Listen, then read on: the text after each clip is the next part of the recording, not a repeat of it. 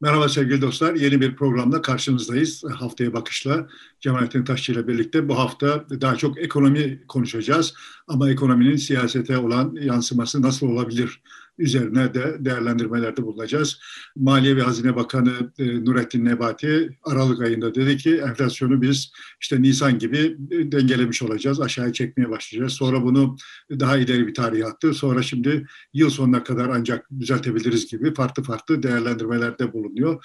Ama enflasyon da sürekli bir artış içerisinde.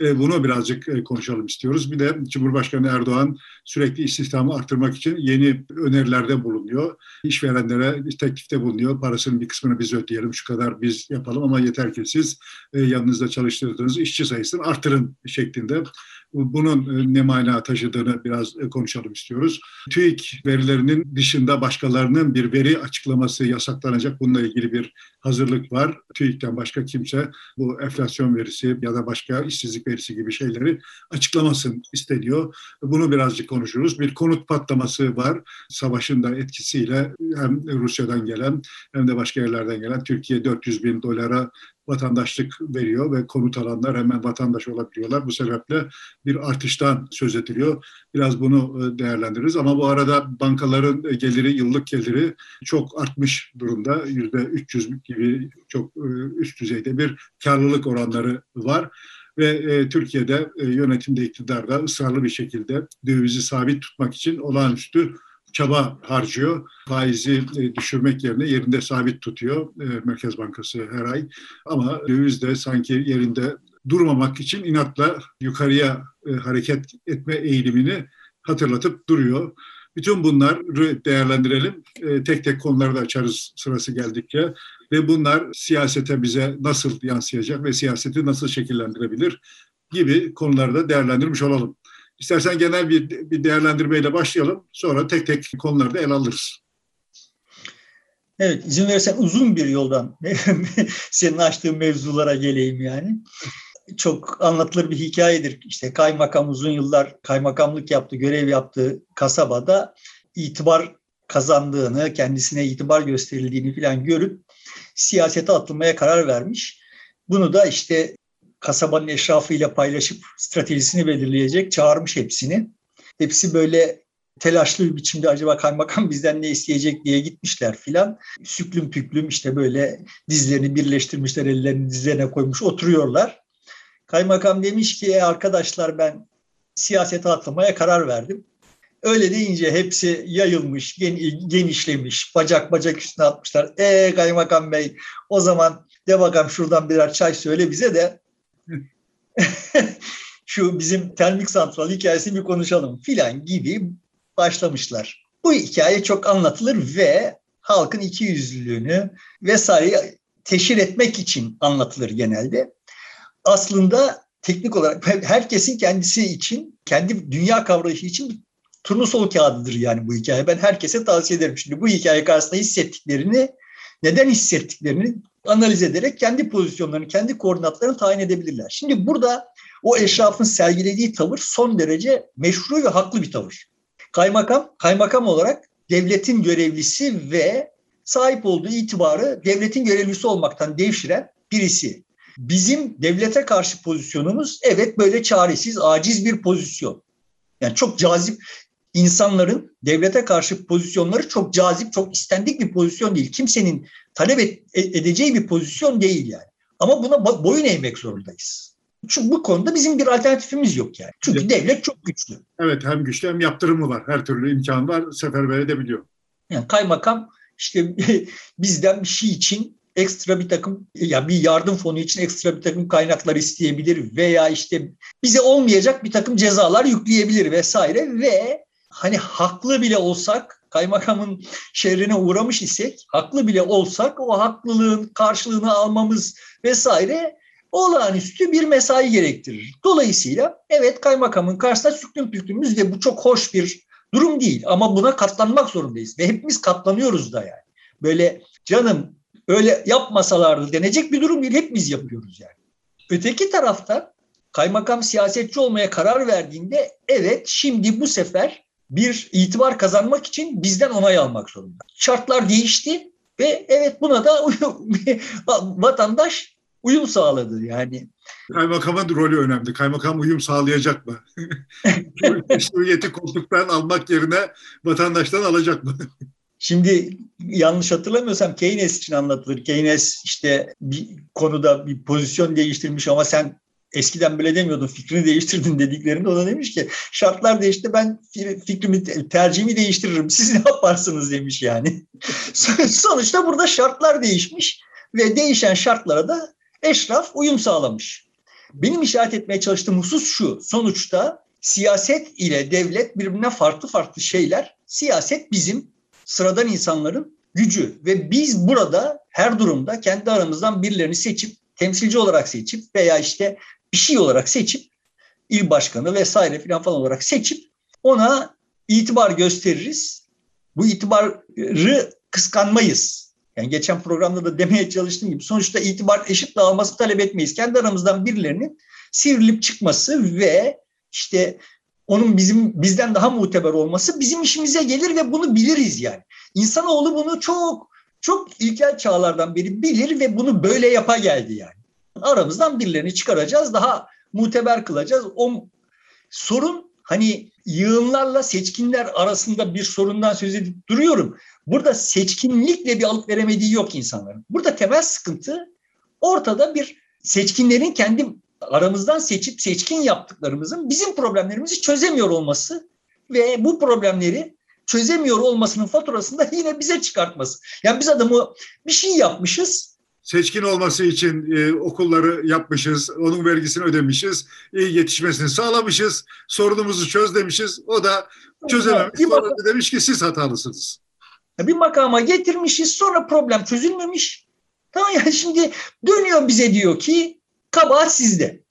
Temel sıkıntı yani şu anda dünyayı ırgalıyor olan ve Türkiye'yi de fena halde ırgalıyor olan temel sıkıntı seçkinlerin görevlerini yapamıyor olmaları. Kendilerinden beklenenleri yani seçkinlik talep ederken yapmayı taahhüt ettikleri, zımnen taahhüt ettikleri ne varsa bunları yapamıyor olmaları. Bu yeni bir şey değil.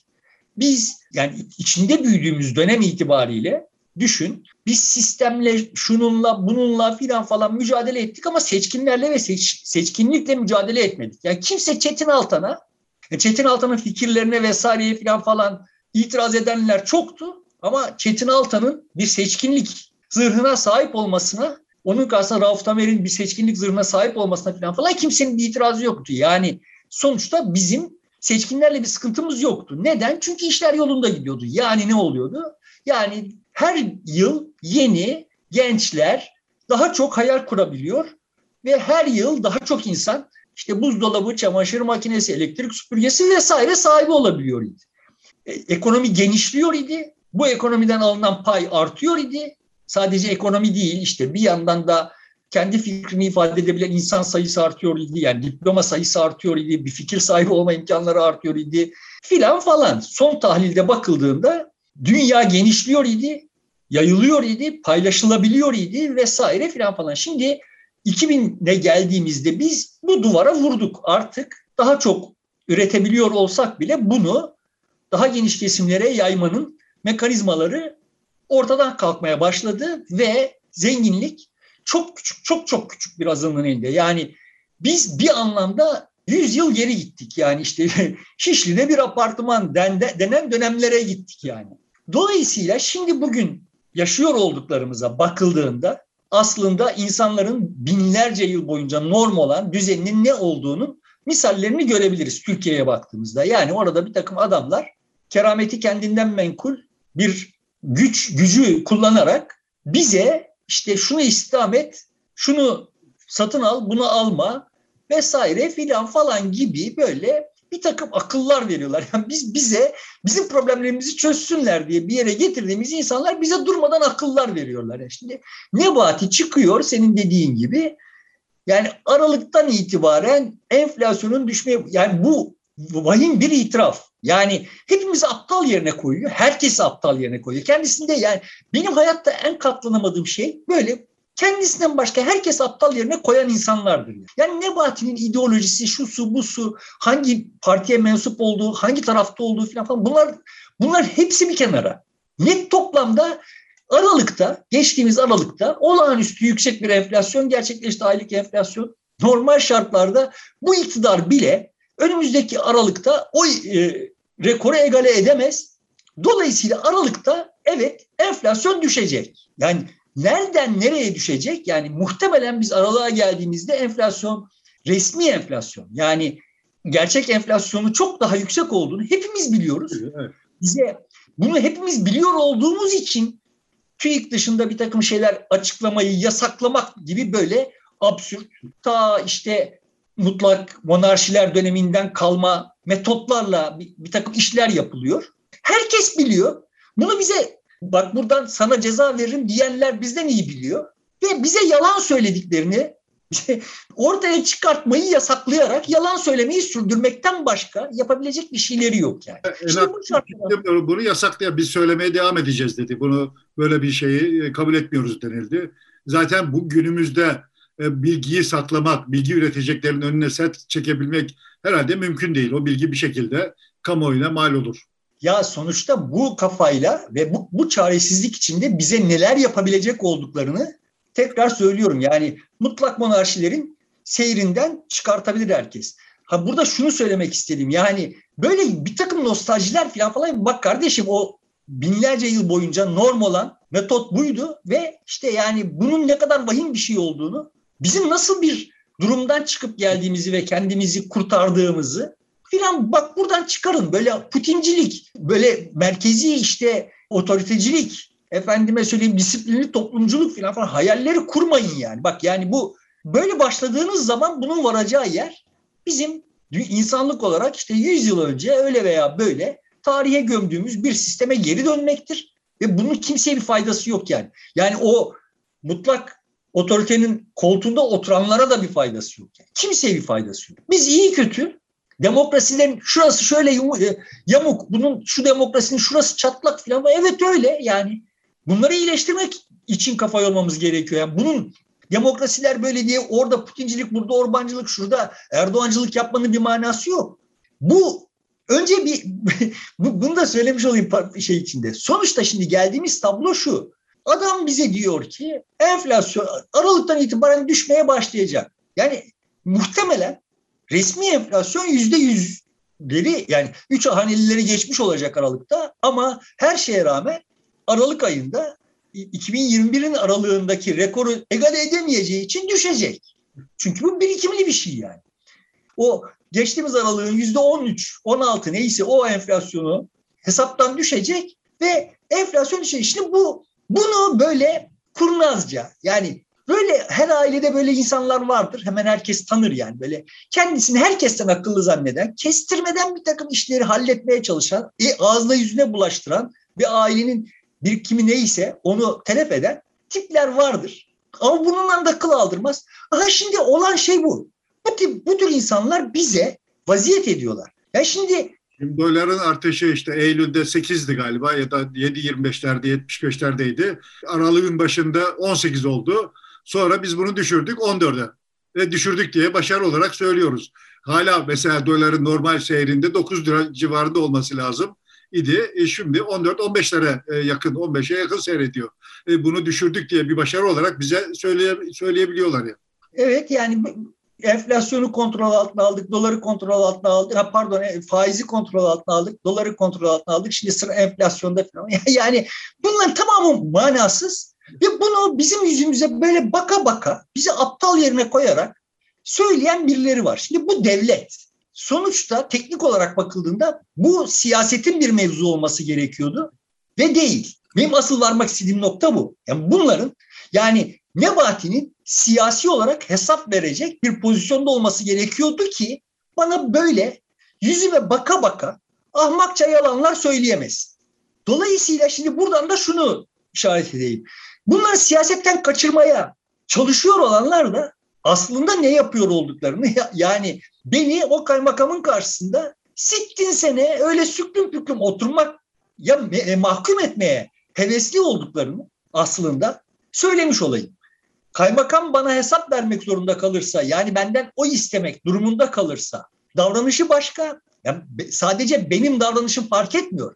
Benim davranışım niye fark ediyor? Çünkü kaymakamın davranışı artık fark ediyor yani. Tabii. yani önce kaymakam kendisi pozisyonunu değiştirmiş. Daha önce bilmem nasıl davrandı adamlar. Arkadaşlar bak ben siyasete atılacağım filan demiş yani. Dolayısıyla evet kaymakam devlet pozisyonunu değiştirecek eğer toplum güçlü olursa, siyaset güçlü olursa. Dolayısıyla sittin senedir üzerine kavga ettiğim hususun özeti bu. Bu millet doğru karar verecek vesaire filan falanlar gibi şeylerle yorumlanabilir bir tantana değil. Herkesin davranışı değişecek. Devlet zayıflayıp ben güçlenirsem herkesin davranışı değişecek ve bu net toplamda daha pozitif, daha içine yaşanabilir, daha içe sindirilebilir bir düzene evrilecek. Evrilir, evrildi zaten. Yani ne zaman devlet bana hesap vermek zorunda kaldıysa devlet haddini bildi. Ne zaman bana hesap vermekten kendini kurtardıysa beyaz toroslarda gezdi, işte nahlarda kondu, akla gelen her türlü şey yapıldı yani.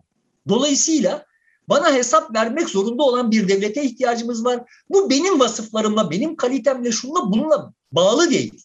Vay sen önce bir şu şartları sağla da ondan sonra devlet sana hesap ver, verecek olsun filan falan gibi akıllar ahmakça, küstahça akıllar. Yani şimdi böyle generallerin vesaireleri falan, falan akılları böyle ya. Yani önce sen bir adam ol da falan. Yok kardeşim benim adam olmamın şartı devletin haddini bilmesi. Şimdi geldiğimiz noktada öyle bir yerdeyiz ki biz devlet tepeden tırnağa zırvalıyor. Tepeden tırnağa yani. Yaptığı her şey zırva. Şimdi diyor ki işte enflasyonun sebebi yani bunu artık ağızları doldura doldura söyleyemiyorlar ama işte zımnen topluma enjekte ederek diyorlar ki işte zincir marketlerdir, istifçilerdir, carttır curttur. Şimdi bu istifçilik mevzuna gelelim. Dünyada üretimi mevsimsel olan ama tüketim mevsimsel olmayan, bütün yıla yayılan bir takım şeyler var. Yani buğday mesela.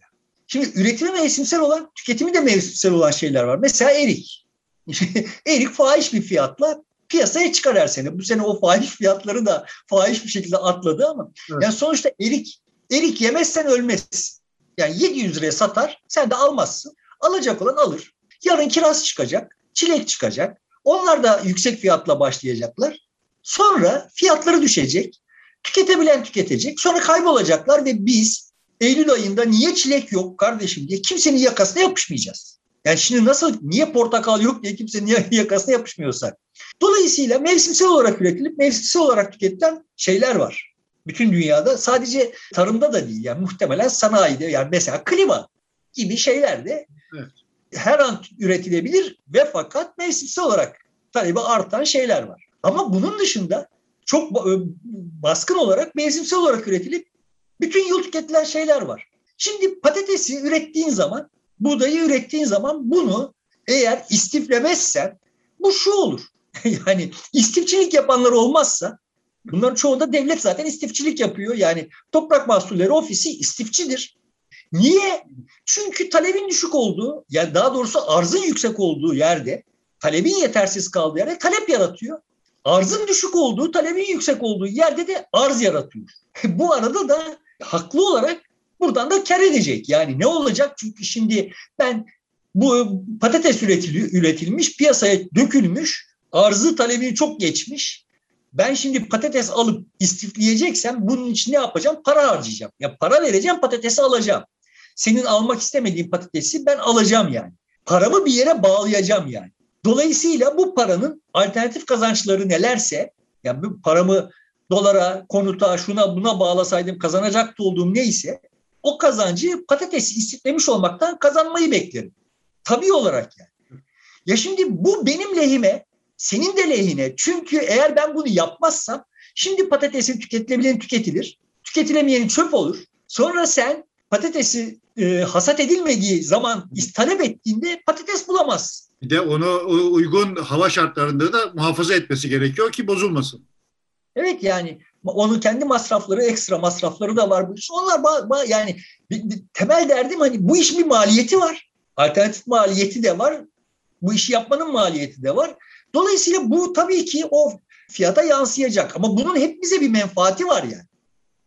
Bunu demeye çalışıyorum. yani adam bunu yaptığı zaman ya adamı istifçi diye böyle ay burada şu var. Yani ben aldım piyasadaki kıt bir şeyi aldım. Sonra da devlet eliyle ona işte bir nar koydurdum. filan yani böyle biçimsiz manipülasyonlar yaptım ya da ya da işte bak efendim ya şimdi konutta olduğu gibi yani böyle bir manipülatif hareketler yaptırdım ve ekstra fiyat artışları sağladım. Oradan bir bir şey kazandım yani. Normal piyasanın oyunlarıyla değil de piyasa dışı oyunlarla bir şeyler kazanmaya o evet yanlış bir şey. Ama öteki tarafına gelelim. Yani şimdi zincir marketler kardeşim sonuçta zincir marketten sen alışveriş yapıyorsun ve bu alışverişi yaparken malı seçiyorsun. Üretilen mal, senin seç, yani üretilen malın hepsini tüketmeye razı değiliz. Daldan toplanmış portakalın belli bir kısmı senin tüketmek isteyeceğin portakal değil ve onlar zaten otomatik olarak eleniyorlar. Ama o zincir market kilo hesabı onların hepsine bir, bir şey ödüyor. Üstüne senin tüketmediğin portakal da kalıyor. Bir de firesi var bu işin. Bir de senin ayağına getirmiş. Yani sen şimdi diyor ki adam bu Antalya'da 1 lira bana 10 liraya geliyor. Git Antalya'da al kardeşim 1 liraysa. Ya böyle bir mantık var mı yani? Ya burada zincir marketleri müdafaa eder duruma falan falan düşmek derdinde değil. Sonuçta bu iş bu işin bir piyasası var kardeşim. Bu piyasa bu işi regüle ediyor. Sen şimdi şöyle söyleyelim daha doğrusu. Bu zincir marketlerin bu fiyatlama hadisesi yeni bir şey değil. Bugün başlamadı yani. Tamam Dolayısıyla eğer bu dün enflasyona yol açmıyor idiyse bugün de enflasyona yol açmaması gerekiyor. Şimdi adam diyor ki yani ya dudaklarım uçukladı ya. Yani Tarım e, Komisyonu Başkanıymış adam yani şeyde. Mecliste. Mecliste. AKP'li bir, birisi yani. Hakikaten birisi yani. Bu zincir marketler bu pahalılıkla bizim hükümetimizi düşürmeye çalışıyorlar. Ya kardeşim yani hangi akıl bu lafı edebilir? Yani şimdi hani bizim zamanımızda böyle bir şeyi bir siyasetçi dile getirecek olsa hangi kelimelerle dile getirirdi? Bu zincir marketler böyle fiyatları yüksel, kasten yükseltip benim vatandaşımı mağdur ediyorlar derdi. Yani olayı vatandaşıyla paylaşmak ve buradan kendisine bir şey elde etmek için ya bu kadar inceliğe bile aklı ermeyen budalalar yani kendi koltuklarından başka herhangi bir şey akıllarına gelmeyen bir takım adamlar Türkiye'de şimdi siyaset yapıyorlar. Bu bu kadar siyasetten uzak, siyaset yapmayı bilmeyen, toplumla bu kadar bağı kopmuş, kendi koltuğundan başka herhangi bir şeyi akıl yani idrakine varamayacak kadar zırva hayatını o koltuğu elde etmek ve korumak üzerine kurmuş bir takım adamlar. Yani ya kardeşim iyi de ben şimdi bu koltuğu bu vatandaşın oylarıyla alıyorum. Şimdi de vatandaşa hiç değilse siyasete atılmaya karar vermiş kaymakam kadar bir itibar göstereyim demeyi bile akıl etmeyecek kadar ham odunlar şimdi siyaset yapıyorlar ve biz buradan siyaset, piyasa ve saray falan falan suçluyoruz. Niye oluyor bu iş? Şundan oluyor yani sonuçta adamın adaylığını ben belirlemiyorum. Adamın adaylığını orada bir adam belirliyor. Ve dolayısıyla adam yani bunları tekrar tekrar söylemek zorunda kalıyoruz. Çünkü bunların dışında her şeyi konuşuyoruz dikkat edersen yani. Toplum olarak bu mevzuların dışında her şeyi konuşuyoruz. Kardeşim sen bir milletvekilinin milletvekili olmasını bir adamın iki dudağın arasında bırakırsan sonuç bu olur. Senin açlıktan ölmüş olmanı bile umursamayacak. Sen açlıktan ölürsen sadece ulan benim bir oyum gitti iyi akıl edebilecek kadar hani hepsi böyle olabilir de bunu böyle fütursuzca söyleyecek kadar aklı çıkmış adamlar mebus olur. Oradan sonra sen bununla dövüşemezsin yani. Sen buna hesap soramazsın, soramıyorsun. Sorun buradan kaynaklanıyor. Bana bana karşı bir mesuliyeti yok. Ve ben yıllar önce yazmaya başladım. Yani Erdoğan rıza üretmek gibi bir işi vazgeçti artık diye. Yani bizim e, e, yani iyi kötü rıza öğretmeye çalışıyordu. Şimdi rıza öğretmek işini geçti. Çoktan geçti yani. Galiba Ve bütün bu, siyasetçiler vazgeçti rıza öğretme işinde. Tamam. Bunun karşısında mücadele edemeyen muhalefet niye edemiyoru? Şimdi kendi denklemime yerleştireyim. Diyor ki şimdi muhalefet zımnen diyor ki yani bıraktığı intiba o ki bak kardeşim siyaset miyaset hikaye. Bunların yani bu iktisadi kararların doğruları var ve o doğruları bunlar bilmiyorlar. Veya bunlar biliyorlarsa da e, kendi yandaşlarına bunları peşkeş çekmek için böyle davranıyorlar. Biz geleceğiz o doğruları uygulayacağız. Sen bu oyunda seyirci ol diyorlar yani. Yani bana yine kaymakam gibi davran.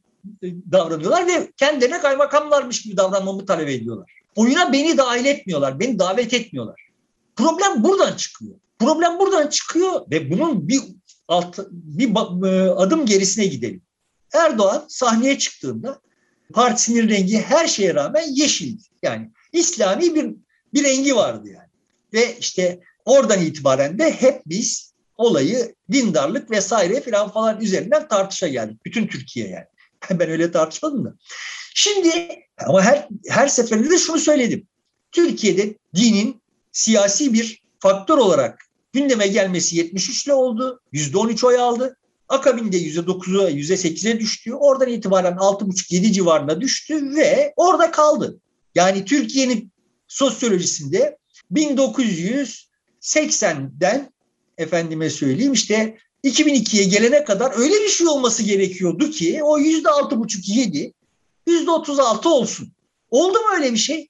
Yani camiler daha dolu, efendim işte din dersleri daha makbul filan falan oldu mu Türkiye'de o dönemde? Olmadı. Yani toplum daha dindarlaşmadı. Peki ne oldu da o altı buçuk, yedi, otuz altı oldu? Şu oldu yani aslında o kadar da dindar olmayanlar bütün toplumsal kesimlerin içinde, bütün siyasi muhalefetin içinde en aktif olan, en enerjik olanın arkasında toplandı. O da dincilerdi tırnak içinde. Başörtüsü vesaire falan falan gibi şeylerle de besleniyor olan dincilerdi. Enerjik olanlar onlardı. Yani çünkü varoşlara yığılmış yığınları mesela sosyalistler e, harekete geçiremediler. Neden harekete geçiremediler? Çünkü çok kitabi ve aydınlanmacı kaldılar. Yani kafalarındaki toplum parametreleriyle davranırlar. Hala öyle davranıyorlar. Muhayyer bir Türkiye toplum var kafalarında. Yani Türkiye toplumu şimdi şöyle diye bir fotoğraf var yanlış. Şöyle olmalı diye bir fotoğraf var imkansız. tamam ya şimdi ondan sonra da niye Türkiye'de sosyalizm işte bir iş yapmadı? Yapamaz yani çünkü sosyalistler bu toplumun dokusuyla alakalı bir şey değil yani. Tablo böyle bir şeydi ve o aslında eğer sosyalistler doğru düz siyaset üretebilmiş olsalardı, sosyalistlerin peşinden gidebilecekti olanlar ya da başka bir birileri doğru düz siyaset üretse onların peşinden gidebilecekti olanlar bunları yapamayanların yapamamaları yüzünden Erdoğangillerin peşinden gittiler. Ve bunların tamamına dinca, dinci, muhafazakar vesaire gibi bir etiket yapıştırıldı. Yani ya bunlar yoktular kardeşim bak. Sizin tarif ettiğiniz türden davranışları sergilememişlerdi. Ne zaman? 5 yıl önce, 6 yıl önce. Yani 6 yıl önce ittirip kaktırıp yüzde yirmi almış olan Refah Partisi, Fazilet Partisi hangi Refah Partisi'ydi? Nasıl oldu da 6 yıl sonra yüzde 36 aldı diye düşünmeden böyle o 36'ya sonra 50 oldu o 50'ye böyle muhafazakar etiketi yapıştırıp absürt absürt işler yapıldı. Genelde toplum demek ki aslında o değişikliği yaşamadığı halde bir, bir şemsiyenin altında toplandı. Neden toplandı? Çünkü seçkinlerin görevlerini, kendilerine biçilmiş görevleri yapamıyor olduklarını düşündüler. Yani bir öfkeydi burada motivasyon. Toplumun öfkesiydi. Yani hepimiz biliyoruz değil mi ya sonuçta Erdoğan'a oy verenlerin çok az bir kesimi sahiden verdiği sözleri tutacağını, Avrupa Birliği'ne bizi üye yapacak. Çünkü artık Avrupa Birliği'ne üyelik gibi şeyler Avrupa tarafından zaten imkansızlaştırıldı, idrak edilmişti. Her şey çıkmaza girmişti yani. Bir öfke vardı. Bu öfke elitlere karşı bir öfkeydi. Tekrar söylüyorum elitliğe karşı değil, elitlere karşı bir öfkeydi ve elitler bunu işte orada bunların e, dinci zatenle veya işte bunlar elitliğe karşı ile etiketleyip kendisini yine temize çekti.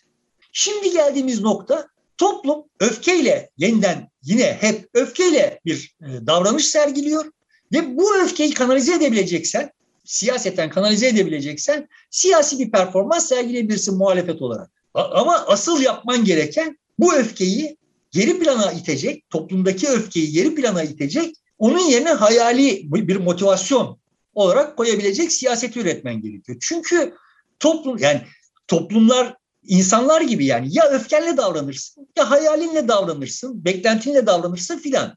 Şimdi öfkeyi yönlendirebiliyor mu muhalefet? Yani ortada şimdi öfkelenmemizi gerektirecek her şey misliyle arttı. Ama, Peki. Bundan habersiz gibi duruyor davranıyor. Ya da en fazla şunu söylüyor. Burada bir öfke var haberiniz olsun diye onu söylemiş oluyor bize. Hani neye öfkelendiğimiz hakkında bir fikri var mı? Biz neye öfkeleniyoruz? Yani şimdi biz dinciliğe mi öfkeleniyoruz? Yani bu mevcut iktidara öfkeleniyoruz da dinciliğe mi, keyfiliğe mi, yönetemiyor olmasına, beceriksizliğine mi? Yani neye öfkeleniyoruz yani Şimdi bu konuda herhangi bir kavrayışı olmadan şahsa yönelik yani Erdoğan'a yönelik öfke üzerinden tamam biz bu maçı götürürüz. Hayali var. Yani ö, yine öfke üzerinden bu öfkeyi kaşırsak başımız derde girer. Kaşımayalım. E sen kaşımadığın zaman o yüzde otuz duruyor işte. Kaşırsan yüzde otuzun yüzde kırk olma ihtimali var.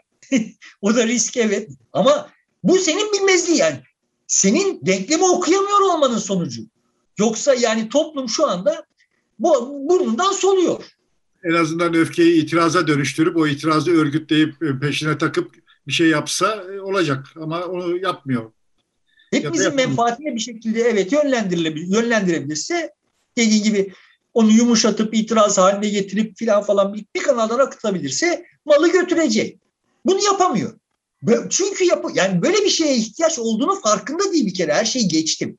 Asıl ama yapılması gereken normal olarak bu tür durumlarda muhalefetlerin yaptığı şey hayal satmaktır. Yani bize bir hayal satabilmesi gerekiyor ve o da onu da satabilme şansı yok çünkü biz olmadan oynamak istiyor.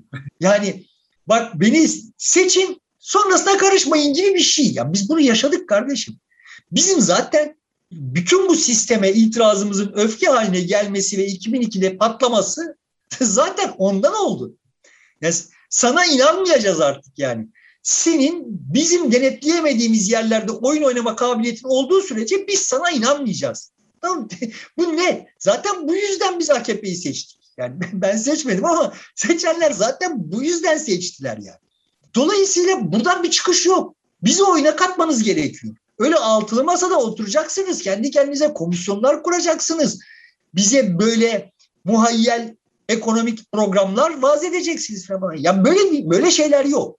Bunun siyaseten bir karşılığı yok artık yani. Özetle söyleyeyim tekrarlayarak. Sonuçta bizim elitlerle bir alıp veremediğimiz yok. İşlerini yaptıkları sürece onları sırtımızda taşırız. İşleri yapamıyorlar. Yani problemi doğru teşhis edemiyorlar. İktidar kanadı doğru, problemi doğru teşhis edemiyor. Ve her şey kontrolden kaçtığı anda ince ayar yani makine zangır diyor artık otomobil zangır diyor tamam mı? Yürümesi gereken otomobil durduğu yerde zangır diyor ve iktidar bize işte şu bujiyi değiştirmek, şurada kapı koluyla kapı kolunu ses çıkartması diye rapt etmek filan gibi böyle çok ince ayar uğraşıyor. Tedbirlerle problemi çözecek çalışıyor. Muhalefet bize ya bak kardeşim gel şu otomobilin yerine şunu şöyle bir şey yapalım demiyor bize. Sen merak etme biz geleceğiz yeni bir otomobil getireceğiz. O yolda yürüyecek diyor. Yürümeyecek. Yürümeyecek yani bu dünya ekonomisi bundan sonra bu mantıkla artık yürümeyecek yani. Evet. İstersen buradan istihdama geçelim. Erdoğan'ın, Cumhurbaşkanı Erdoğan'ın son açıklamasında istihdam e, artırabilmek için e, daha çok teşvik edici şeyler vaat etti. İşte e, maaşının devlet tarafından ödenmesine varacak kadar daha cömert davrandı. İş yerlerine eskiden vergi sadece veriliyor idi. Şimdi daha fazla cömert bir ödeme teklifinde bulunuyor. Yani 10 kişiyle yapılacak işi sen diyor ki 15 kişiyle yap. Halbuki eskiden e, tam tersi 10 kişilik işi 5'e indir, 7'ye indir filan denir idi. E, bu teşvik edilirdi. Şimdi tam tersi e, sen işçi sayısını artır e, diye bir e, talepte bulunuyor. Daha doğrusu dayatmada bulunuyor e, iktidar. Ya şimdi zaten bütün bu hikaye net toplamda dönüp dolaşıp yani bütün dünyayı ırgalıyor olan hikaye dönüp dolaşıp şuna geliyor yani. Yani biz eskiden üretiyor idik. Bu üretimin bir kısmını tasarruf ediyor idik. O tasarruf ettiğimizde yeni tesisler açıyor idik. Yeni de açtığımız tesisler yeni üretim gerçekleştiriyor idik. Bu üretim arttıkça daha toplumun daha alt kesimlerine doğru o ürünler yayılıyor idi ve o e, alt kesimlerde o ürünleri alabilmek için işçileşebiliyor idi ve böyle bu sonsuza kadar sürecek bir hayal olarak kalıyor idi. Ama bir yandan da e, üretimden insanlar çıkarılıyor idi. Verim artıyor idi. Yani. Şimdi asıl işi yapıyor olan o verim artışıydı. Verim artışı son derece basit bir ta- tarifi var. Faktör ve her faktörün verimliliği daha az faktörle daha çok yani o faktörden daha az miktarla daha Sen daha az malzeme kullanıp daha çok üretim yapıyorsan malzeme veriminin artmış demektir. Daha az yemek kullanıp daha çok üretim yapmışsa emek veriminin artmış demektir. Daha az finansmanla daha, daha çok üretim yapıyorsan finansman veriminin artmış demektir yani. Ve bu herkesin menfaatinedir. Doğru paylaşılabilir mi? Yani nispi olarak bu paylaşılıyordu. Ve bu paylaşımın böyle toplumun daha alt kesimlerine doğru giderek yayılacağı bekleniyor. Sorun şu oldu. Çok hızlı bir otomasyona girince to, buradan pay almayı da emeğe endeksleyince yani emek verimliliğiyle birlikte diğer bütün faktör verimlilikleri de arttı ve artan üretimi paylaşmak için bir yol bulamaz olduk. Orada işte Graber'in tırışkadan işler dediği, benim yapılmasa da olacak işler dediğim işler icat ederek millete daha çok kişiye daha çok para dağıtmanın yollarını aradık. Bu, bu sistem tıkanmış. Yani ta 80'de tıkanmış bu sistem. 2000'e kadar ittire kaktıra idare etmiş. Yani önce önce ne oldu? Bütün dünyada sadece Türkiye'de değil, bütün dünyada yüksek öğretim özendirildi. Neden özendirildi? Yani sen şimdi liseyi bitirdiğin, lise çağını bitirdiğin dönemde eğer okumazsan iş piyasasına gireceksin. İş talep edeceksin yani. Senin iş talep etmeni dört yıl ertelemek için seni üniversiteye yolladılar. E şimdi sen gittin üniversiteye, dört yıl geçti, çıktın. Bu sefer sana uygun bir iş yaratılması gerekti. İşte plazalar kuruldu, şu bu filan falan absürt isimli iş pozisyonları icat edildi. Kimsenin bir iş yapmadan para aldığı bir takım yani oralara toplumsal kaynak aktarıldı. Ama bunun bir limiti var yani.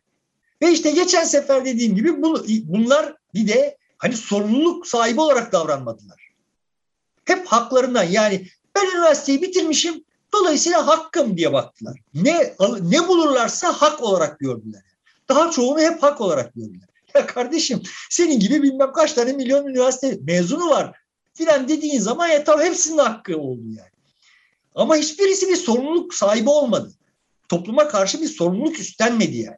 Bu sistemin tıkanacağı üç yani çok net bir biçimde belliydi yani. Perşembenin gelişi çarşambadan belli olduğu gibi. Perşembe geldi. İşte önce bu sistemi uzatabilmek için yüksek lisans doktora özendirildi vesaire filan falan insanların olabildiği kadar iş piyasasına müracaat etmemeleri için bunun olabildiği kadar ertelenmesi için yapılabilecek her şey sonuna kadar yapıldı. Sonra bu işler böyle olmayınca ekstra para basıldı ve bu paralar ekstra para basılınca işte o paranın bir kısmı aşağılara doğru akabilmeye başladı. Ama bu süreç içinde paranın do- dolaşım hızı da çok düştü. Ve evet paradan para kazanmak üretimden para kazanmaya kıyasla daha verimli bir şey haline aldı. Burada bir takım böyle abuk sabuk manipülasyonlar yapanlar e, malı götürdüler ama sıkıntı aslında oralarda değildi. Biz hep oralara odaklandık. Sıkıntı biz niye bu kadar çok para basmak zorunda kalıyoruz kardeşim? Yani ekonominin büyümesi gerekiyor. Tamam anlıyorum. Yani ekonomi büyümezse siyasi iktidarlar zor duruma düşecekler. Dolayısıyla ekonomi büyütmeleri gerekiyor. Kimse şunu sormadı. Ya biz bu ekonomiyi büyütmek için eskiden ne oluyordu? İşte enflasyona bazında veya üretim bazında, büyüme bazında para basılıyordu. Para arzı belli endekslere bağlıydı. Şimdi bu endekslerle arzı bunlara bağladığımız zaman biz niye büyüyemiyoruz diye sormadılar. O endekslerden kopardılar ve para arzını olağanüstü arttırdılar. Büyümeyi sağlayabilmek için. Dolayısıyla bir birim büyümenin gelecekteki maliyeti olağanüstü yükseldi. O gelecek de geldi. 2008'de o gelecek geldi yani. Ne oldu? Daha çok para basıldı. Ve bu arada hep asıl sıkıntı kaynağı olan takıntı sürdürüldü. İnsanlara sistemden payları emeklerine göre verilecek. Yani niye emeğimize göre? Yani ortada bak bizim emeğimiz yok. Yani beni bir yerde istihdam ettiğin zaman aslında benim emeğimden yararlanmıyorsun. Şimdi yapıla Erdoğan'ın cambazlığı ne? Bak burada beş kişiyle yapılabilecek bir iş var sen yapıyorsun. Şimdi üç kişi daha alırsan ben sana üç yıl bunu ödeyeceğim ama sonrasında sen ya da üç ay şunu ödeyeceğim ama sonrasında sen bir yıl onu işte tutacaksın. Şimdi bunu kim yapıyor? TÜİK aracılığıyla bize istihdamın zaten işsizliğin zaten daraldığını söyleyen adam yapıyor. Madem daraldı niye yapıyorsun bunları? İşsizlik madem düştü niye yapıyorsun bunları? Şimdi sen biliyorsun düşmedi, ben biliyorum düşmedi. Ama düşüyor, düşmüş gibi kabul edeceğiz senin gül hatırın için. Sonra sen böyle cambazlar yapacaksın. Birileri sanki iş bulmuş gibi yapacak. Birilerine sanki iş bulmuşuz gibi yapacağız. Aslında ortada iş yok. Yok. Yani sen itiraf etmiş oluyorsun ki ortada iş yok yani. Yani aldık bir sürü bekçi şimdi ne iş yapıyorlar? Yolda geçerken seni çevirip kimlik kontrol ediyor. Başka da bir şey yok. Ne yani şimdi sonuçta ortada iş yok. Sen şimdi işmiş gibi bir şeyler yaratarak iş yaratmış olmak. Bunu yani işmiş gibi bir şeyler yaratmayı iş yaratmış olmak yerine geçirmeye çalışıyorsun. Ama son tahlilde bütün bunlar sistemin tamamında artık ta- taşınamaz stresleri arttırıyor yani. Yani şimdi şu kadar milyon işsizim var ve bu artacak. Bunun artmaması için işte birkaç yüz bin kişiye şöyle işmiş gibi bir şeyler yaptığın zaman kalan yerlerde öfke büyüyor. Yani çünkü o işe girebiliyor olanlar bir şey becerebilecekleri için ya da bir işleri olduğu için girmiyorlar. Dayıları olduğu için giriyorlar. Bütün bunlar ah, ahmakça şeyler de bütün dünyada tekrarlanıyor. Bizdeki kadar böyle kör gözün parmağına değil ama bütün dünyada bu tekrarlanıyor. Ama şimdi Türkiye üzerine buradan hani bu verim meselesine gelelim yani. Biz şimdi niye Türk, e, Türk lirası şu kadar değer kaybetmiş iken cari açık veriyoruz? Niye bu cari açığı kapatmak için ihracatçının işte yüzde 25 olan Merkez Bank Merkez Bankası'nda dolar bozdurma zorunluluğunu yüzde 40'a yüzde 50'ye çıkartıyoruz. Yani bunları niye yapıyoruz? Çünkü çok ciddi dış açığımız var. Bu dış açığa rağmen peki bu doları bu seviyede nasıl tutuyoruz? Çünkü çok dolar satıyoruz. Dolay, dolayısıyla zaten ihtiyacımız olan dolardan daha fazla dolara ihtiyacımız var. Neden? Sadece orada bir takım siyasiler koltukları korusun diye. Yani topluma kardeşim bu doların fiyatı çok tayin edici değildir. Aslında başka şeyler var. Bak ekonominin şuraları yolunda gidiyor. Dolar fiyatı almış başını gitmiş dert değil diyebilecek durumda değiller. Yani şöyle söyleyeyim. Dolar bugün 100 lira olsa ama her birimiz gelirimizin sadece yüzde yirmisiyle yüzde otuzuyla otuzunu ayırdığımız durumda gıdaya karnımızı rahat rahat doyurabiliyor olsak. Gelirimizin yüzde onunu ayırdığımız zaman enerji, elektrik, su vesaire falan faturalarımızı ödeyebiliyor olsak. Gelirimizin yüzde 25'iyle kiramızı karşılayabiliyor olsak söz temsili yani. Tamam yani dolar 100 lira olmuş 1000 lira olmuş. Çok önemli mi değil. Mesele dolar değil. Mesele baş, bizim meselemiz başka yerlerde. Bizim gelirimiz azalıyor. Nominal olarak artsa da alım gücü de, trajik bir biçimde azalıyor. Neden azalıyor? Çünkü to, senin sistemin, ekonomik sistemin verimsiz. Şimdi bu verimsiz sistem yani nasıl verimsiz? Sen şimdi ihracatı arttırıyorsun. Dolara ihtiyacın var. İhracatı arttırman gerekiyor. Artırıyorsun. Ama dış açığın büyüyor. Neden? Çünkü 100 liraya sattığın malı yapabilmek için 90 liralık malı alman gerekiyor yurt dışında. Yani senin katma değeri yüzde on. Bu yüzde on ne kadar? Mal, üretebilmek için dışarıda mal almaya mecbursun. Yani sonuçta burada tayin edici olan katma değer. Evet. Bunun hacmi vesairesi falan falan değil ki katma değer. Şimdi niye artmıyor senin katma değerin? Çünkü sen doları sittin senedir bastırıyorsun. Sittin senedir bastırdığın için o aramalı yurt dışından ithal etmek, içeride üretmekten ucuzdu. Sen şimdi gübre fabrikasını kapatıyordun. Kapatman bir hasara yol açmıyordu. Neden? Çünkü dışarıdaki gübre sen içeride ürettiğinden daha ucuzdu. Ama neden ucuzdu? İçeride ürettiğinden neden daha ucuzdu? Çünkü doların fiyatı düşüktü. Sen bastırmıştın doların fiyatını. Yani liranın değeri olması gerekenden yüksekti. Buradan böyle fiktif bir cennet. Bak ben geldim kestirmeden benden önceden akıl edemediği neleri neleri akıl ettim filan falan diye bir hikaye anlattın. Anlattığın hikaye dışarıdan sen borçlanabildiğin sürece çalışıyordu. Anlattığın hikaye eksikti yani. Bu tarafını anlatmıyordum. Bak biz herkes biliyordu ve herkes konuşuyordu da ama bunu yekten söylemiyordun. E şimdi bu, bu duvara vurduk. Şimdi gübreyi dışarıdan alması gerekiyor üreticinin. Gübreyi dışarıdan aldığı zaman Domatesin fiyatı artıyor. Sen ondan sonra istifçi suçluyorsun. E sensiz suçlu. Eğer do, liranın değeri makul bir şekilde senin uluslararası piyasadaki pozisyonuna göre makul bir şekilde yükselmiş olsaydı birçok şeyi şimdi Türkiye'de üretiyor olacaktım. Dolayısıyla 100 liraya satıyor olduğum mal için 80 liraya ihtiyacın olacaktı. Katma değerin %20 olacaktı. Ve işte filan falan işte bunların dalgalanmaları olacaktı. Şimdi bütün bunları bizim başımıza sen sardın. Kostaklanılacağı zaman kostaklandın. Bak nasıl yapıyorum. Bak gübreyi ucuza işte bilmem neyi ucuza getiriyorum ayağınıza. Tamam getirdin. E şimdi de o zaman çıktı ki bak bu gübreyi pahalıya mal ediyorum. Domates pahalıya geliyor filan falan diye. Yok orada istifçi burada sen yüzde 300 zam yapıyorsun enerjiye. Enerji sonuçta o domatesin üretiminden taşınmasına kadar her yerde domatesin maliyetini katlıyor. Ondan sonra istifçi suçla. Şimdi bu bu hesapsızlık yani bu fütursuzluk nereye varacak? Sen şeyi ihracatçının dövizinin yarısına el koyduğun zaman ihracatsa yavaşlayacak. Yani altın yumurtlayan tavuğu kesiyorsun yani. Bugünü kurtardın. Durmadan hayatı boyunca bugünü kurtararak yol almış olan bir adam var. Bir de bu adam yani bu, bu olay böyle de bana en çok koyuyor olan şey. Hayatı böyle geçmiş olan adam bir de böyle stratejik deha işte dünya lideri falan diye pazarlandı şeyleri tarafından böyle yandaşları tarafından karşıdakiler tarafından da ya bu adam yenilmez bir daha iyi seçim kazanma makinesi. seçim kazanma makinesi çünkü siz ahmaksınız. Yani adamın karşısında olanlar ahmaksınız adam seçim kazanıyor.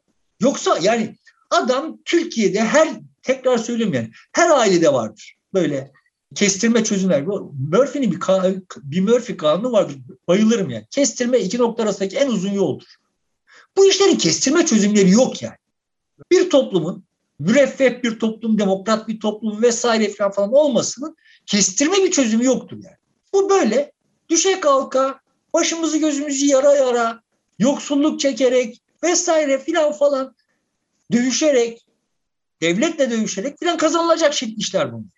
Ama bu toplumda böyle işte iki tane dört yıl bir üniversitede okuduğu zaman hemen her şeyin formülünü çözmüş olan ve bir, bir yıl kestirmesi olan sonra o kestirme çuvalladığında başka kestirme filan icat eden bir güruh var. Bu, bunlar da böyleler yani faizi düşürecek de filan işte enflasyon düşecek de cartta curtta böyle kestirme kestirme. Bu işler öyle olmuyor yani. Senin net toplamda dış açığın var dışarıdan para girişine ihtiyacım var. Bu para girişi için şimdi hani biz bundan önce ekonomi konuştuğumuzda sen şey demiştin. Yani bu Birleşik Arap Emirlikleri yumuşamasına denk gelmişti. Şimdi de Suudi Arabistan yumuşamasına denk geldi. E işte Birleşik Arap Emirlikleri'nden 100 milyar dolar gelecek. Ya gelmedi.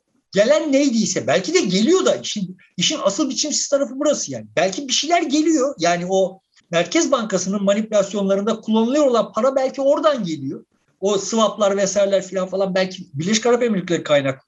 Ya bunların hiçbirisini bilmiyoruz. Yani orada bir devlet var. Siyaset devletin içinde kayboldu. Yok orada da kalmadı yani. Yani bize hesap vermemeyi marifet addeden bir takım adamların elinde soru sorduğun zaman hain ilan edildiği bir düzenin içinde hapsolduk yani. Nereden geliyor kardeşim bu değirmenin suyu? Bize açıklayın. Borçlanıyor isek, biz borçlanıyor isek bunu bilelim ya. E şimdi finans sektörü, bankalar çok yüksek kar ettiğine göre bir yerde bir şekilde para trafiği var ve onlar e, kar edebiliyorlar. Yok yok bankaların karı yolu çok kestirme. Devlet bankalardan bankalara yüzde on ile para veriyor, yüzde yirmi ile para alıyor. Bu kadar kestirme yani. Yani o faizi düşük tutacağım ayağına bankalara düşük faizle para veriyor fakat kendisi düşük faizle borç bulamadığı için bankalardan yüksek faize borç alıyor ve bankalar buradan abad oldular. Şimdi adamın yani bir de bunları yapan adamlar bize böyle banka düşmanı, faiz düşmanı falan falan diye satıyorlar kendilerini. Ve bu, bu hikayeyi bu topluma anlatabilecek, yani bu toplum Amerikan düşmanlığı, Rus düşmanlığı, kapitalist düşmanlığı vesairenin arkasından saysan en düşman olduğu şey finans kapitaldir, bankadır yani. Ya banka deyince tüyleri diken diken olur. Ya bankalar yüzde 300 kar yapmış. Aha bu engamenin içinde. Hepimizin domates alamayacak duruma düştüğümüz durumda bankalar yüzde 300 kar yapmış ve bunu muhalefet kullanamıyor yani. Yani ya ben oradan sonra bana şimdi ama işte burada yüzde 30 var da falan filan bunlar işte bu vatandaşla ne olur da filan diye bir şeyler anlatılıyor ve ben tüylerim diken diken oluyor. Kardeşim muhalefetin kullanabileceği sayısız şey var. Kullanamıyorlar. Neden kullanamıyorlar? Çünkü kullanırlarsa bana taahhütte bulunmaları gerekiyor ki ben de oyunun paydaşı olacağım. Bu işlerine gelmiyor. Yani kardeşim onları düşünün yerine bizi getirin. Biz kendi kestirmelerimizi tatbik edelim. Çünkü biliyoruz yani. Yani buradan hangi değişkenler... Halbuki öyle olmuyor. Son tahlilde yapacakları şeyler neler? Bunlar da gelecekler. Çiftçiler köyünde kalsın diye filan böyle absürt absürt işler yapacaklar. Niye çiftçi köyünde kalmıyor? Oradaki katma değeri ne Türkiye'nin? Yani tarımın Türkiye'ye kat, tarım ürününün Türkiye'ye katma değerine yani bunu da bir kimseye hesaba katmıyor. Yani sen şimdi domates satıyorsun. Yani Türkiye'de domates üretiyorsun. iç piyasaya domates satıyorsun. Çiftçi domates üretip satıyor. Bunun ne kadar çiftçinin katma değeri bunu kimse hesaba katmıyor. Yani sen o katma değeri nasıl arttırabilirsin? Bunu kimse hesaba katmıyor. Bütün dertleri güçleri çiftçi köyünde kalsın. Aha bu tırnak içinde seçkinlerin saltanatına müdahale etmesi. Şimdi onları kestirmesi de o. Ya bu işlerin böyle olmuyor olduğunu bizim artık bırak bu istihdam istihdam tanıtılarının hani bu onlar çalışmıyor yani. Ta nerede kalmış 1940'ların çiftçi köyünde kalsın. O bitti zaten. %15 kırsalda yaşayan bir nüfus kaldı. Ee, işte aktif olarak bunun da herhalde bir kısmı tarımla meşguldür. Yoksa o şeylerle ne tarım ayaklandırılabilir ne vatandaş kırsalda tutulabilir. O mümkün değil. Hayır yani niye oluyoru vatandaşın ahmaklığıyla açıklamak dışında bir şeyleri olmadığı için vatandaşı sen şimdi köyde kal sen fabrikada işçi ol filan falan diyecekler. Herkesi dizecekler satranç tahtasına. Herkesin kafasında böyle bir böyle bir oyun var. Oyun böyle oynanmıyor ve zaten öyle oynanmayan oyun da bitmiş durumda üstelik. Bir de yani hani dünyanın başına acayip de bir şey gelmiş artık. Artık sürdürülemiyor yani. Böyle bir ortamda e, konut fiyatlarının bu kadar artması, kiraların bu kadar artması niye bağlamak lazım? Çünkü mesela İstanbul'da yüzde 112 bir artış var. Yüzde işte satışında da yüzde 30 137'lik bir artış var. Fiyatlar e, artışı, fiyat artışı anlamında. Ee, Ankara'da da yüzde 106 falan gibi. Yani yüksek bir artış var. Şimdi şöyle de bir gerçek var. Ee, mesela İstanbul'da kira ortalaması 6 bin, 6500 lira deniyor. İnsanların, çalışan insanların yüzde 65'inin ortalama geliri de asgari ücret. Yani 4250 lira. Biraz üstü, biraz altı. Yüzde 64 e, nüfusun, e, çalışan nüfusun. Böyleyken bunu nasıl karşılayabilecek? E, bir yerde bir şey olması lazım, bir patlama olması lazım. Ama sürekli artıyor fiyatlarda. Bir yabancı etkisi falan deniyor ama satışlarda da öyle olağanüstü bir artış da yok. Şimdi burada geçen de Fatih Altaylı tarım üzerine bir program yapmış. Orada bir çiftçi, büyük çiftçi yani mevzuya başlarken dedi ki tarım ürünleri Türkiye'de ucuz. hani baştan sizi rahatsız edeceğini bile bile bu bir, bir gerçeği paylaşayım dedi ve uluslararası piyasalardaki tarım ürünleri yani bir kilo etin Almanya'daki fiyatıyla Türkiye'deki et fiyatını falan falan mukayese etti. Haklı olarak deniyor ki ya kardeşim tamam da Almanya'daki gelirle Türkiye'deki gelir bir mi? Değil. Tamam yani evet tablo böyle. Bu şu gerçeği değiştirmiyor. Yani bir kilo etin, bir kilo domatesin maliyeti itibariyle Almanya veya Türkiye'de bu olay fark etmiyor. Tamam yani sonuçta böyle bakınca maliyet enflasyon maliyet açısından bakınca bunun üretici açısından yani Almanya'da yüze sattığını Türkiye'de ona satmak zorundaysa ama Almanya'ya bu işin işte taşıma maliyetini falan falan ekledik diyelim 8 lira. Türkiye'ye 7 liraysa Almanya'ya ya, Almanya'da o et tüketilene kadar bir yığın insan şu kadar para kazanıyor demektir. Türkiye'de o para kazanılamıyor. Dolayısıyla işte senin çiftçin o yüzden yani katma değer düşük olduğu için oradan kaçıyor. Bunu şunun için söyledim. Son toplamda baktığında bizim açımızdan, tüketici açısından bütün bu fiyatlar yüksek. Ama üretici açısından baktığında bütün bu fiyatlar düşük. Bunu şimdi ev meselesine getirelim. Ben gençken genel olarak kabul edilen şey yanlış hatırlamıyor isem bir evin kirasının yani bir emlakin kirasının 12 yılda kendi maliyetini ödemesi gerekiyor. Bu benim anladığım kadarıyla yüzde yirmilere çıkmış 80'lerin 90'ların sonlarında. Sonra yüzde yirmi beşlere çıkmış. Şimdi senin yaptığın hesapla bakıldığında bu fiyat artışları, emlaktaki bu fiyat artışlarını kiralara tam olarak yansıtmaya kalksalar yani 25 yılda bu kiralarla bu emlaki amorti edeceğiz diye hesap yapsalar e, kira kiraların 12 bin lira 15 bin liralara çıkması gerekiyor. bizim açımızdan bir kiracı açısından benim açımdan bakıldığında evet bu kira çok yüksek. Benim gelirimin yarısından fazlasını kiraya ödüyorum. Ama beni buradan çıkartabilirse ev sahibi bana verdiğinin üç misli, iki misli şeyle kiraya verebilecek. En azından bu hayali kurabilecek yani. Evet. Ev sahibi açısından bakarsan kira düşük. Şimdi bu, bu makas nasıl bu kadar büyüdü? Bunun böyle büyümemesi gerekiyor. Nasıl büyüdü? Evet yani bir takım e, dış alımlar filan falan var konutlarda ama şu anda İstanbul'da doğru söyleniyor ise yüzde yirmi konut fazlası var. Yani bu söyledi. kiraya verilemeyecek olduğu halde alınıyor. Niye alınıyor? Çünkü elinde bir birikimi olan bu bir benim anladığım ekonomistlerin anlattıklarından anladığım yani. Bu birikim elinde bir birikimi olan bunu faize yatıramıyor çünkü enflasyonu çok altta kalıyor yani. Enflasyon yüzde yüz otuz, resmisi yüzde altmış bir, senin aldığın faiz yüzde on yedi. İşte dövize endeksiye yatırıyorsun. Tamam döviz artış kadar alacaksın. Dövizi bastırıyor ve yine enflasyonun çok gerisinde kalıyorsun. Hisse senedi iyi görünüyor şimdi ama kimse bunun ne kadar süreyle böyle gideceğini bilmiyor. Artı o da enflasyonun altında ayrıca iyi göründüğü durumda. Ve böyle işte yani altın, altın bile fırlayıp dururken enflasyonun altında anladığım kadarıyla. Dolayısıyla geleneksel bir biçimde bu emlake doğru gidiyor. Ve burada bir balon oluştu. Olağanüstü bir balon oluştu. Benim anladığım buradan çok ciddi zararlar edilecek. Yani şu anda emlake yatırım, emlake para yatırıyor olanlar çok ciddi oranda zarar edecekler. Hangi vadede filan falan bunları bilmem. Ama çok aşırı bir balon var. Yani bu balonlar benim ekonomi bilgim itibariyle bir yerde patlarlar yani.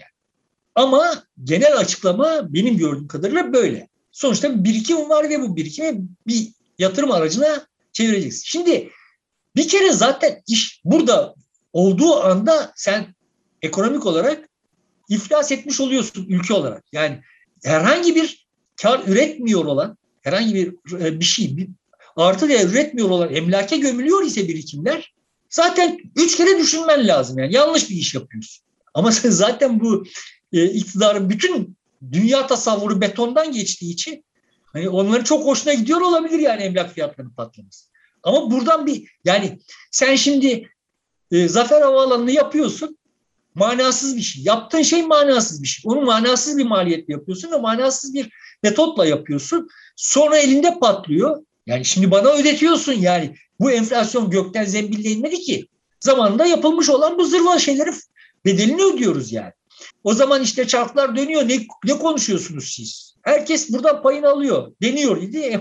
evet yani ama bunun bedelinin ödeneceği günde gelecekti yani. Yemek yerken herkes iyi kardeşim. Fatura gelince önümüze şey gelince sıkıntı var. Geldi o. Ne yapacağız şimdi? O, o zaman kostaklanıyordu. Şimdi de faturayı öde madem. Şimdi Zafer Havaalanı'nı kullan, yani kullanılıyor çünkü kullanılmayacağı belli. Adamlar ne yapıyorlar şimdi? Yani tamam Eskişehir Havaalanı'na bir tane uçak indirecekseniz Zafer Havaalanı'na da üç uçak indireceksiniz diye hava şirketlerini zor, hava yolu şirketlerini zorluyorlar. Eskişehir Havaalanı'na normalde uçak inmiyor. Yani normalde e, yurt içi denemeler başarısız oldu. Ama özellikle Brüksel'den, Brüksel'de son derece ciddi bir Emirdağlı nüfus vardır. O Emirdağlı nüfus, Emirdağ Afyon'a bağlı olduğu halde teknik olarak Eskişehir'le irtibatlıdır. Ve onlar Eskişehir'de evleri vardır filan falan. Kısım akrabası Eskişehir'lidir. Onlar işte yaz başında Eskişehir'e gelirler ve hava yani Eskişehir Havaalanı'na iniyor idiler. Şimdi onların Eskişehir Havaalanı'na inmesine mani olarak Afyon Kütahya arasına indirerek filan böyle yani zorbalıkla kendi pisliklerini örtmek gibi bir alışkanlığı olan bir heyetle muhatabız. Yani karşımızdakiler kaymakam. şey değil yani milletvekili değil. Karşımızdakiler kaymakam. Bizim sıkıntımız burada. Şimdi diyorsun ki bak bu adamların kaymakam olması yüzünden sıkıntıdayız biz yani. Devlet memuru olması yüzünden sıkıntıdayız. Milletvekilleri de devlet memuru yani. Evet öyle oldu. Siyasetçi yok karşımızda. Ha. Ama herkes siyaseti suçluyor. Herkes siyasetten bir şeyler daha kaçırma peşinde. Yani herkes kim? Tırnak içinde aklı erenler, kendilerine her şey sorulsun isteyenler, elitler. Yani Sonra da vatandaş bunlara itibar etmeyince de vatandaş da iş yok. Ne diyor? İstersen toparlayalım, e, bitirelim ya da doğrudan bitirelim. Hayır yani sonuçta bu ekonominin durumu böyle hani ahkam kesiyor olanların hepsine hayran kalıyorum. Gerçekten hayran kalıyorum. Çünkü bu dünyada dikiş tutacak bir hali geçti. Yani bu çok büyük bir yıkım bırakacak arkasında ve biz bambaşka bir faza geçeceğiz. Benim 2008'de 2007'den beri söylüyor geldiğim şey son tahlilde işte şimdi başımıza geldi yani gelecek geliyor içinde yaşıyoruz falan falan dediğim şeyin içinde yaşıyoruz. Bunun sonuna yaklaştık. Yani bu sürdürülebilir bir şey değil. Bu sürdürülebilir olmama şeyi de çok nasıl desem ulu orta kullanıldığı için o da yalama oldu da demeye çalıştığım şey sonuçta şimdi Avrupa büyük ihtimalle Avrupa ve Birleşik Devletler büyük ihtimalle resesyona girecekler. Resesyona girmelerine mani olmak için yine klasik bildik, dandik şeyler uygulanıyor. ya bizi bu duruma o getirdi. Uyguladığınız politikalar getirdi. Yani burada yaratıcı bir şeyler üretilemez de yani e, genel olarak olay öyle olmaz. Ama bütün bu sürecin içinde piyasa suçlanıyor. Yani hiçbir dönemde benim bildiğim, içinde yaşadığım hiçbir dönemde piyasaya devlet tarafından bu kadar müdahale edilmedi. Yani sadece Türkiye'de değil. Dünyanın her yerinde çok akıllı insanlar işte faizlerden bilmem hangi enstrümanlara kadar her bir şeyi tayin etmek konusunda muazzam bir şehvetle olaya müdahale ediyorlar. Her müdahaleleri problemi biraz daha büyütüyor. Sonra piyasa suçlanıyor yani. Ağzını açan bu piyasa şartlarıyla piyasada zaten böyle olur filan falan. Piyasa piyasa çözecek problemi. yani son tahlilde bu, bu problemi çözecek ne demek? Yani sonuçta dünyanın daha çok daha verimli üretim yaptığı ve bu üretimin daha makul bir biçimde paylaşıldığı bir dünyaya geçeceğiz ve bu işi piyasa yapacak yani. Bu tasarlanarak bir yerlerde birilerinin tasarımıyla olmayacak. Kimsenin bunu tasarlayabilecek kadar bilgisi yok. Ama herkes ahkam kesiyor. Sonumuz hayır olsun. Bayağı bir bayağı bir sıkıntı çekeceğiz yani. Önümüz parlak gözükmüyor diyorsun. Yani en azından bir geçiş dönemi, e, bir sarsıntıdan sarsıntıyla karşı karşıya kalacağız. O açık. Kaldık zaten ya. Bütün dünya sarsılıyor ya yani. Kimsenin öngördüğü bir şey değildi ya. Bu bu deprem büyük bir deprem içinde yaşadığımız deprem yani. Yani ev alıyorsun kiran yetmiyor. Domates satıyorsun gelirin yetmiyor vesaire. Şimdi neresinden tutsan elinde kalıyor. Hiç kimsenin menfaatine olmayan bir şey var yani. Evet. Kazanan olmayan bir döneme girdik yani. Öyle diyorum. Peki sevgili dostlar burada bitiriyoruz. Bugün e, çok parlak olmayan bir e, durumu değerlendirdik. Ekonomiyi geleceğimizde çok fazla ümitli görmemiş olduk bu kafayla gidilirse. Görüşmek üzere. E, Hoşçakalın.